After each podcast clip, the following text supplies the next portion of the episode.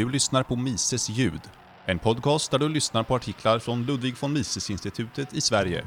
Dagens inläsare Magnus hälsar er varmt välkomna. Idag avhandlas artikeln “Bekännelser från en öppna gränser libertarian” del 1. Författare Joakim Bok publicerades 15 september 2017. Bekännelser och intellektuell ärlighet är viktig. I likhet med 2000-talets kända bok och filmsuccé En shopaholics bekännelser kommer här en kanske lite mer allvarlig sådan. Jag var en gång starkt för fri invandring och öppna gränser. En kontroversiell och ofta impopulär åsikt bland libertarianer. Kanske kom det som en stark känslomässig “låt mig gå vart jag vill” eller kanske eftersom mitt första dopp in i libertarianismen och frimarknadens värld var Johan Norbergs och Fredrik Segerfeldts Migrationens kraft.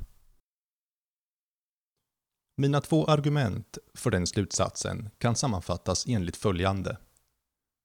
1. För öppna gränser. A. Det är omoraliskt för stater att ingripa i privata överenskommelser. Att flytta hela eller delar av sina ekonomiska aktiviteter över nationsgränser skiljer sig inte från att flytta nästgårds eller till andra sidan landet och stater har definitivt ingen rätt att hindra sådan frivillig aktivitet. B. Likt Mises egna utilitarism kunde jag inte bortse från de tusentals miljarder dollar av välstånd som relativt enkelt kunde skapas genom att öppna gränser. De mångdubblingar av inkomster som de fattigaste i världen kunde lyckas med genom att enbart flytta till västvärlden och sälja sina tjänster där istället för någon annanstans. Googla “Trillion Dollar Bills on the Sidewalk” för en introduktion till kvantifiering och detaljer av den här diskussionen. Eller läs andra välkända libertarianer såsom Brian Kaplan, Peter Leeson eller Ben Powell formulera liknande argument. 2. Mot Hoppe, Rockwell, Deist naiva, inkonsekventa och direkt felaktiga argument mot öppna gränser. För att snabbt återge deras argument låter jag Rockwells egna ord få beskriva den innan jag förklarar var de många misstagen ligger. Samma princip gäller för rörelsefrihet. Libertarianer tror inte på någon sådan princip i det abstrakta. Jag har inte rätten att vandra in i ditt hus, in på din inhägnade egendom, in till ditt Disney World, till din privata strand eller till JC's privata ö. Som med yttrandefrihet är den relevanta faktorn här äganderätt. Jag kan flytta till vilken tomt jag vill, förutsatt antingen att jag äger den eller dess ägare vill ha mig där. Jag kan inte helt sonika gå vart hen jag önskar. Å andra sidan, i vår nuvarande situation har invandrare tillgång till statliga vägar, kollektivtrafik, offentliga byggnader och så vidare. Kombinera det med statens andra intrång av äganderätten och resultatet är artificiell demografiska skiften som inte skulle ha ägt rum på en fri marknad. Markägare tvingas associera sig och handla med individer de annars hade velat undvika. A. Ingen annanstans i libertariansk filosofi accepterar vi det underliggande antagandet att vi alla har viss delägaregenskap i offentlig mark och tillgångar. Jämför argumentet med tvingat medlemskap i staten där andras politiska röst därmed får legitimitet över dig. För att Hopp Rockwell Deast-lägrets argument ska gälla måste vi acceptera denna ovanliga och inkorrekta tolkning av libertarianism. Staten blir i det här avseendet förmyndare och beskyddare av gemensamt ägd egendom och leder till mängder av andra problem i hur libertarianer kan kritisera och motsätta sig statens övriga politik. B. Ett annat misstag som är än mer provocerande från libertariansk perspektiv, där vi vanligen accepterar och respekterar fundamental osäkerhet och Hayeks “pretense of knowledge” kommer från Hans Hermann Hoppes önskade versus oönskad invandring, vanligen kallad tvingad invandring. Hoppe skriver det kan förekomma leveranser av invandrare utan välkomnande inhemska mottagare. I detta fall är invandrare utländska inkräktare och invandringen är en invasionshandling. En av regeringens grundläggande funktioner skulle vara att skydda mot utländsk invasion och hindra utländska inkräktare. Ett problem här är såklart att Hoppe förutsätter att det finns individer som motsätter sig invandringen utan att vidare bevisa det. Ännu värre är den implicita bevisbördan. Det verkar som att om vi kan visa på en enda invandringsmotståndare är därmed all invandring en invasionshandling, vilket såklart inte gäller. Här är kruxet. Det är sant att om det finns invandrare vars närhet en enda person motsätter sig, har staten misslyckats i sitt försvar mot inkräktare. Men det är lika sant att om det finns en enda person som vill välkomna invandrare till sin egendom men hindras av staten, har staten misslyckats i sitt försvar av den personens egendom. Hur väger vi dessa två överträdelser mot varandra? Gillar man demokrati röstar vi om saken. Om så får minoriteten helt enkelt acceptera utfallet. Det blir därmed tydligt att problem 2b bara kollapsar till 2a ovan. För att upprepa den slutsatsen. Offentligt ägd egendom är inte delägd av varje medborgare. Det är snarare att betrakta som annans egendom, vars aktiviteter eller ursprung snedstreck hudfärg på personer som använder den jag inte har någonting att säga till om. Benjamin Julin sammanfattade väl hela debatten i sin uppsats från några år sedan. Julin skriver Diskussionen kokar alltså ner till frågan om det är libertarianskt att försöka anpassa ett statligt samhälle till ett fritt sådant och hur ett sådant skulle ha kunnat se ut. Det beror även på vilken karaktär statlig egendom har. Om den är att betrakta som oägd eller som skattebetalarnas privata egendom. Det är svåra frågor att lösa och det beror på huruvida man kan lösa ett flertal andra trätofrågor för den libertarianska samhällsfilosofin. Som jag såg det kunde Rockwell-Hoppe-Dice-argumenten förkastas med följande resonemang. På samma sätt som att tredje part inte har någonting att säga till om i transaktioner gällande mina arbets eller konsumtionsvanor har jag heller inte någonting att säga till om i samma tredje parts val att avstå eller inbjuda särskilda människor. I det här fallet råkar bara tredje part vara staten med dess stora egendomar i form av mark, vägar och byggnader. Eller som Kaplan lite flott beskrev det. Det argumentet underminerar allt vi menar med mänsklig frihet. Idén att länder kollektivt tillhör deras medborgare har ett namn och det namnet är socialism. Sammanfattningsvis kokade debatten ner till ett starkt motbevis av andra libertarianer genom 2a och 2b samt ett så starkt utilitaristiskt argument genom 1a. Att jag inte längre kunde rättfärdiga för mig själv någon annan position En fri invandring och öppna gränser. Bekännelser från en öppna gränser libertarian, del 2. Författare Joakim Bok publicerades 22 september 2017.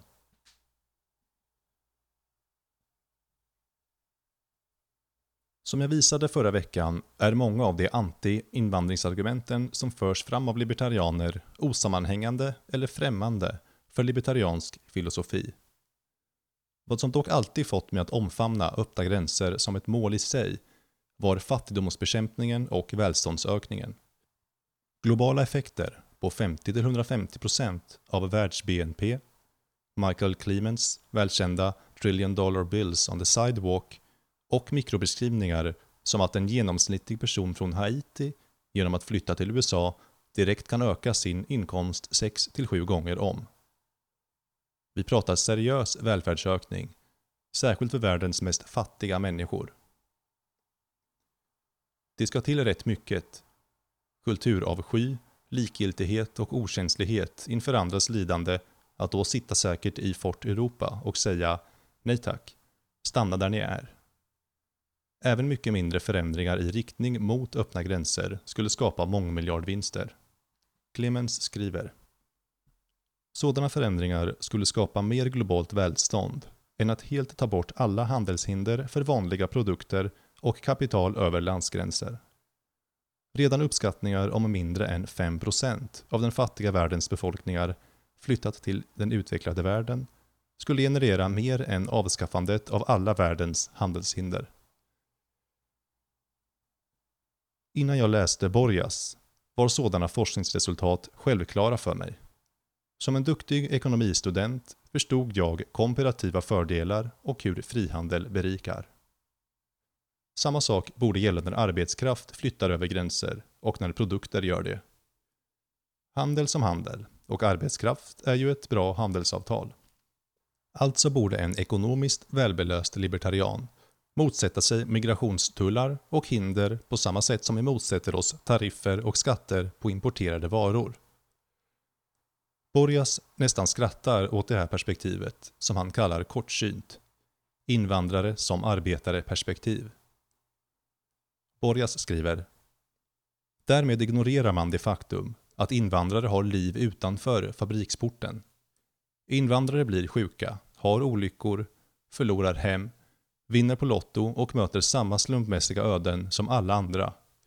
Och precis som vi andra kommer många behöva hjälp och assistans när dåliga saker sker. Det låter ju självklart, men i mycket invandringsforskning struntar man liksom i den biten. Särskilt de bitar som försöker kvantifiera invandringens ekonomiska effekter. Som vi skrev i bokreceptionen av Borjas We Wanted Workers för några veckor sedan handlar Borgas forskning mycket om att titta under huven på storslagna påståenden som det från Michael Clements, Brian Kaplan, propagandatidningen The Economist eller valfri vänstertomte. Om resultatet efter närmare undersökningar inte längre är så storslagna vilar inte heller öppna gränser-argumentet på så särskilt säker grund. Så vi tittar väl lite under huven på de detaljer som migrationslitteraturen ofta missar. Fattigdom och institutioner. Det finns en anledning att fattiga och outvecklade länder varifrån många invandrare kommer är just fattiga och outvecklade. Om dessa länder har ineffektiva organisationer och kulturella eller sociala institutioner som skiljer sig från svenska och framgångsrika sådana, som också håller tillbaka deras ekonomiska utveckling, är det otänkbart att dessa institutioner försvinner efter en förhållandevis kort flygresa norrut eller mer omtumlande flykt genom Europas bakvägar.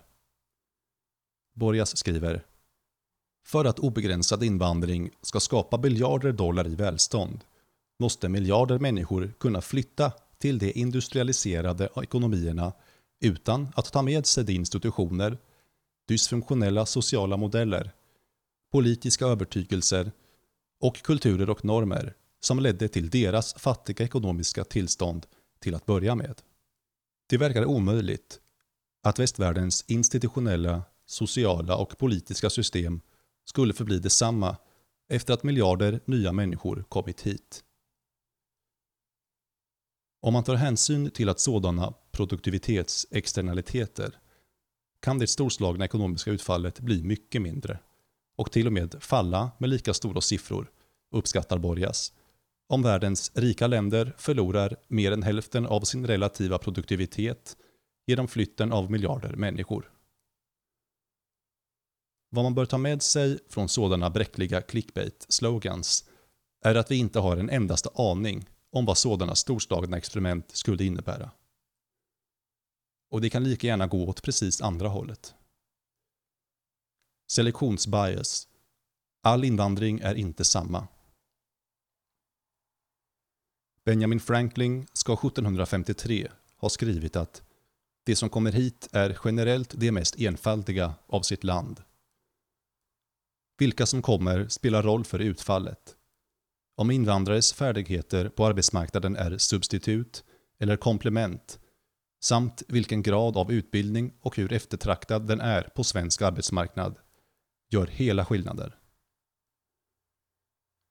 Assimilering och the melting pot. Många amerikanska migrationsforskare, även de som kallar sig själva oberoende och partipolitiskt obundna, pratar ofta om de magiska effekter som den amerikanska smältdegern melting pot har. Eftersom USA är ett historiskt invandrarland är alla mycket mer välkomnande och assimilering till det amerikanska samhället går därför mycket snabbare. Så brukar berättelsen lyda. Borgas som vanligt har visat att det inte är hela storyn.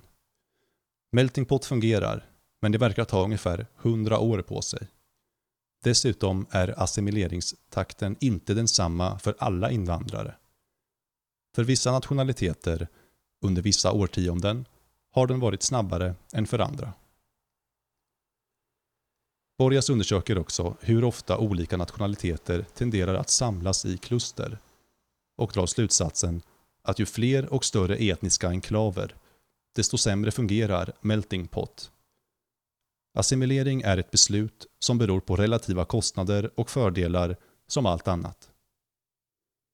Med tillgång till särskilda etniska enklaver finns det mindre anledning att ta sig igenom de svårigheter som assimilering medför, med resultatet att invandringens ekonomiska fördelar minskar radikalt. Borgas visar tydligt hur det inte handlar om folkslag eller ursprung i sig och att det inte finns någonting specifikt mexikanskt i deras långsamma framgångar i det amerikanska samhället. Istället, menar Borgas, börjar den genomsnittliga mexikanska invandraren så långt efter andra invandrare, både i språk och utbildning, att deras löner, integrering och språkförmågor därmed blir lidande. Mexikanska invandrare presterar så väl som kan förväntas av dem, givet deras väldigt låga ingångsnivåer. Lönerna Många invandringskritiker har klagat på att invandrare direkt konkurrerar med infödda och därmed drar ner deras löner. Andra, såsom The Economist, har svarat den direkta motsatsen. Att invandrare till USA generellt har kompletterat och förbättrat inföddas produktivitet.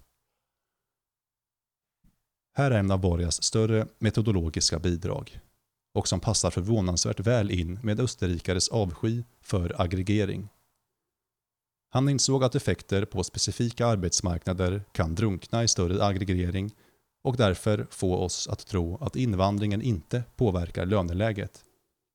En vanlig dispyt här handlade om The Mariel Boatlift 1980 där 125 000 kubanska, mestadels lågutbildade, invandrare kom till Miami inom loppet av några månader.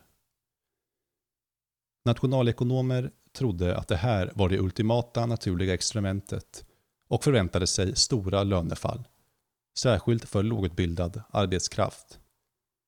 I en av de mest omtalade studierna fann David Card nästan ingen effekt alls. Borgas hittade främst två misstag i Cards studie. A.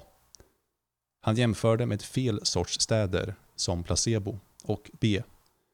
Han aggregerade ihop för många grupper i en enda. När Borgas istället valde städer som placebo vars arbetskraft vuxit som Miami före Mariel snarare än efter och disaggregerade arbetskrafter i fler bitar fann han en mycket större effekt. Vad man räknar på spelar roll och lägger man ihop tillräckligt många arbetsmarknader försvinner även uppenbara effekter.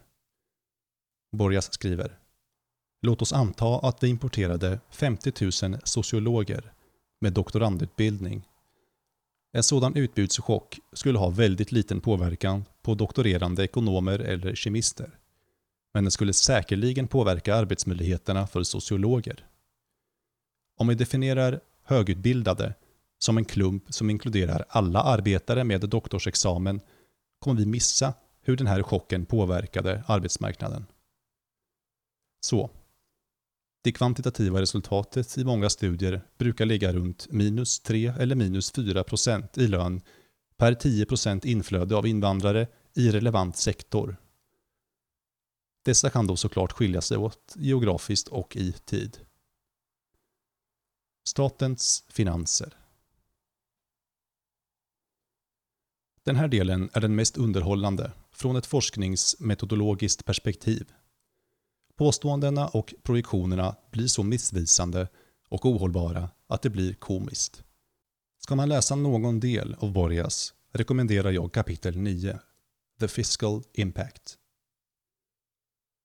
I en förenklad värld bidrar högutbildade invandrare till statens finanser genom beskattningen av sitt arbete och ganska litet behov av bidrag och samhällstjänster. De tenderar också att vara ganska välbetalda och därmed betala för sig själva, sett till statens finanser. Lågutbildade invandrare har motsatt problem. Där de ofta blir beroende av sådana samhällstjänster, inte nödvändigtvis för att de är invandrare, men för att de har få eftertraktade färdigheter och därmed har svårare att hävda sig på arbetsmarknaden. Finanseffekter av invandring måste ha ett mycket längre perspektiv eftersom löner och pensionsutbetalningar över hela livet måste jämföras med kostnader för skolgång eller sjukvård idag. I en rapport som invandringsforskare ofta hänvisar till kom National Academy of Science fram till att invandringen till USA i ett långt perspektiv skulle bidra rejält till statskassan. Problemet? De antog att statsbudgeten skulle vara i balans under de närmsta 75 åren. Kommentar överflödig. När Borgas körde beräkningen med andra antaganden landade resultatet, precis som i diskussionen kring globala välfärdsökningar, ibland långt under nollan. Slutsats Finansiella eller ekonomiska konsekvenser beror helt enkelt på A. Vad man räknar. B. Vad man tror kommer hända i övriga samhället och som en reaktion på invandringen. C. Vad man tror dessa invandrare kommer göra när de väl är på plats. Det är inte som jag en gång trodde. Att fri migration, likt fri handel, gynnar alla. Öppna gränser och särskilt invandringen från mycket fattigare länder med ofungerande kulturer och eller samhällsinstitutioner kan absolut förstöra mer än det bidrar och sätta minustecken framför de storslagna och imponerande siffror migrationsforskare ibland slänger sig med. Att läsa Borgas blev ett tydligt uppvaknande för hur man gör de här beräkningarna och vilka parametrar som ingår. Antaganden och metod spelar roll för nationalekonomiska slutsatser, så även i migrationsdebatten. Det är helt enkelt inte sant, som jag trodde under 1b, att öppna gränser är en universallösning till världsfattigdom. En genväg till att förbättra miljarder människors liv. Därmed faller också öppna gränser som en utilitaristisk rättfärdigad position.